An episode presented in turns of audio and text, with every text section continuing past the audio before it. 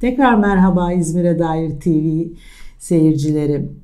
E, ilişkilere dair konuşmayı çok seviyorum biliyorsunuz. Bundan önceki programda sofra metaforuyla başlamıştık ama bakalım o sofrada ne tartışmalar da oluyor. Yani siz diyebilirsiniz canım ilişkilerde hadi getirdiklerimizi ortaya koyduk. Yiyelim, içelim. İyi de hep böyle mi gidecek? E gitmeyecek tabii. Gider mi sevgili izleyiciler? Çeyiz sandığında bir sürü şey var. Çeyiz sandığını getiren bireyler karşılıklı lineer dediğimiz o yatay çizgide sıra sıra evi yerleştirdikten sonra bir de sofraya getirdiklerini açtıklarında lokmaları e, benim lokmam senin lokmanı döver moduna geliyorlar normal olarak. Çünkü karşılıklı ilişkilerde bireyin kendini daha henüz tanımaması nedeniyle sürekli karşı tarafı yargılayarak, karşı tarafı acıtarak aslında bir nevi kendi gerçeğinden uzaklaşmasına neden oluyor. Hani bir laf var bana laf söyleyen işte lafın devamı e, pek programa uymuyor ama şöyle dinime küfreden Müslüman olsa bari gibi bir laf. Ama bunu şöyle değiştirmek istiyorum. Bana bu lafı söyleyen bari benden daha tam olsa bari. Bakın bunu da şimdi kendim e, oturtmaya çalıştım. Aynen öyle. Üçüncü kitabım benim Beni Tersten Oku. Orada bunu anlattım. Yani sen kendine dönüp baktın mı ki beni görüntümden yargılıyorsun? Daha sofraya yeni oturduk. Karşılıklı muhabbet edeceğiz.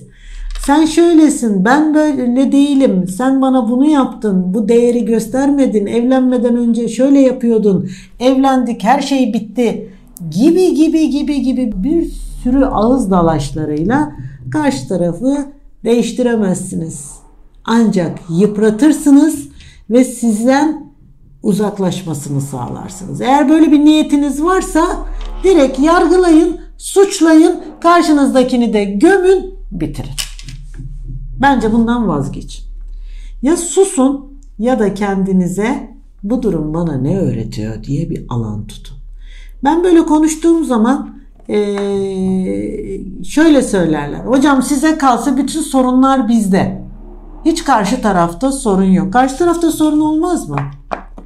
Yani biz burada e, Rahman'la filan soyunmuyoruz. Ama şu var. Benim tekamülüm için benim karşıma çıkan bu kişi benim ona söylediğim hangi sıfata göre ben o sıfatımı kabul etmiyorum.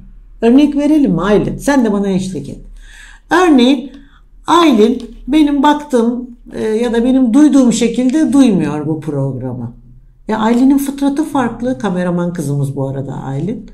Ee, şimdi ben Aylin'e, Aylin benim duyduğum gibi sen niye duymuyorsun diye onu yargılayabilir miyim? Aylin görsel. Aylin'in fıtratı farklı. Aylin duygusal, dokunsal.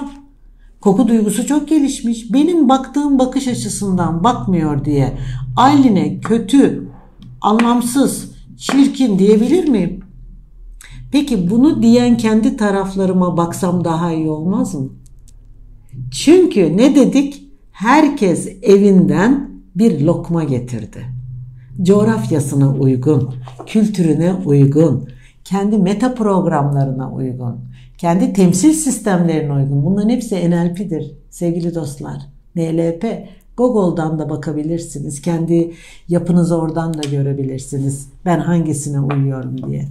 Ama karşı tarafı suçlamak yerine benim suçlanma korkum var diyebilir misiniz? O zaman yüklediğiniz her anlam aslında sizsiniz. Siz kendinizi ne kadar tanıdınız ki onun sizi anlamadığını hükmüne vardınız? Yani eminim ki Aylin benden daha zeki. Eminim ki Aylin örnek veriyorum benden daha iyi duyuyor. Ben kendime göre size karşı tarafla bir ilgili yargı yapıyorum.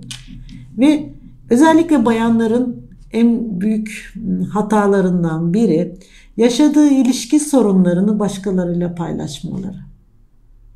En büyük yanılgı bu sayın dostlar.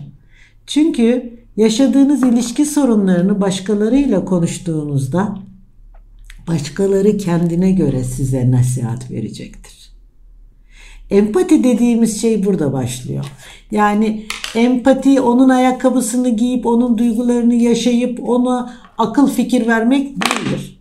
Bakın empati üst düzey empati, alt düzey empati dediğimiz kavramlar vardır. Arkadaşınız size yaşadığınız sofrada yaşadığınız bir çatışma ile ilgili bir bilgi verirken üç şey söyleyebilir. Vallahi bende hiç öyle şeyler olmuyor. Olsa ben tavrımı koyarım. Ya da bir doktora gidin ya da ilişki koçuna gidin ya da bir ilişki terapistine gidin. Sürekli ama siz bir şey sorarsınız. Dünkü sofrada olanlarla ilgili arkadaşım ben senden akıl istemedim ki. Sadece beni anla demek istedim. Ama arkadaşınız da duymadı. Sadece Aylin değil ki. O zaman beni bana gösteren aynamdı. Almışlar. İşte o aynayı kim aldı? O sözü çok severim. Sofrada güzel muhabbet etmek varken çatışma noktasına geldiğinizde bana bende ne oluyor diye sormanız lazım. Yani bende bana ne oluyor ya da ben bu çatışmayı çıkarırken hangi ihtiyacı yaşadım? Duyulma ihtiyacı, değer görme ihtiyacı. Ya Bilgi hocam sofraya oturduk da bir eline sağlık demedi. O da getirmişti.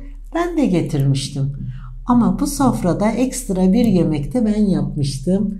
Bana eline sağlık demedi. Bunu duysaydım bu çatışma çıkmazdı. Bakın bu kadar küçük şeylerden çatışmalar çıkartıyoruz ki çocuklarımız, ailelerimiz, sülalelerimiz herkes bundan zarar görüyor. Peki bu çatışmalar neler? Üç bölüme ayırıyoruz bu çatışmaları. Bir, ben merkezi davranışların üç tane bölümü diyelim bunlara. Bir, açık ben merkezi davranışlar. Yani duygularını açık açık Aylin Hanım siz öyle yaptınız ben de öyle yapacağım. Hmm, kıstasa kıstas. Karşılıklı. Siz sen aldattın ben de aldatırım. Hmm. Çok da yakışıklı kalmıyor bu işler biliyorsunuz. Öyle sen yaparsan ben de yaparım yakışıksız oluyor. Niye hocam öyle söylüyorsunuz? Ya cümlesi yakışıksız yani. Ya içindeki anlamla çok ilgili değilim. Ee, iki, gizli ben merkezci davranışlar.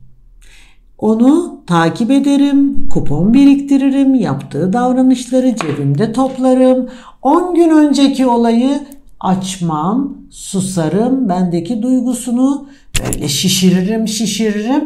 10 gün sonra başka bir olayla ikisini bir anda patlatırım. Bir. ikincisi duygularımı gizlerim. Hiç ona moralimin niye bozuk olduğunu söylemem. Niye söyleyeyim ki?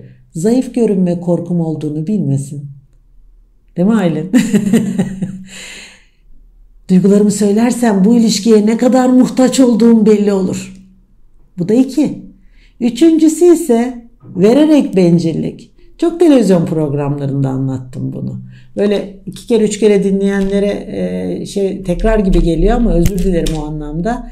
Vererek bencillik şu anda bana göre en yaygın bölüm e, aşırı vererek karşısındaki kişiye onu ilişkiden çıkmasın, çıkamaz hale getirerek kendini bir anlamda ilişkide sağlam aldığını zanneder. Sanır. Asla. Çünkü karşı tarafı yüceltip kendini değersizleştiren bir birey eninde sonunda yalnız kalmaya mahkumdur. Neden biliyor musunuz? Hiç kimse, hiçbir birey kendini süpürge etmiş, değersizleştirmiş bir varlıkla beraber oldum demek istemez. Bu ilişki eninde sonunda biter. Görüyorsunuz konular çok. Hangi birini anlatsam ben de bilemiyorum. Ama bir sıraya koyuyorum bunları. Yavaş yavaş hepsini e, vermeye çalışacağım. Ben de anlatmayı çok seviyorum. E, eğer bu videonun altına merak ettikleriniz, neler konuşulmasını istedikleriniz gibi soru sormak ya da anlamlandırmak istediğiniz konular olursa mutlaka e, bu videolarımızın altına e, isminizle yazın. Ben hepinize tek tek mutlaka cevap vermeye çalışacağım.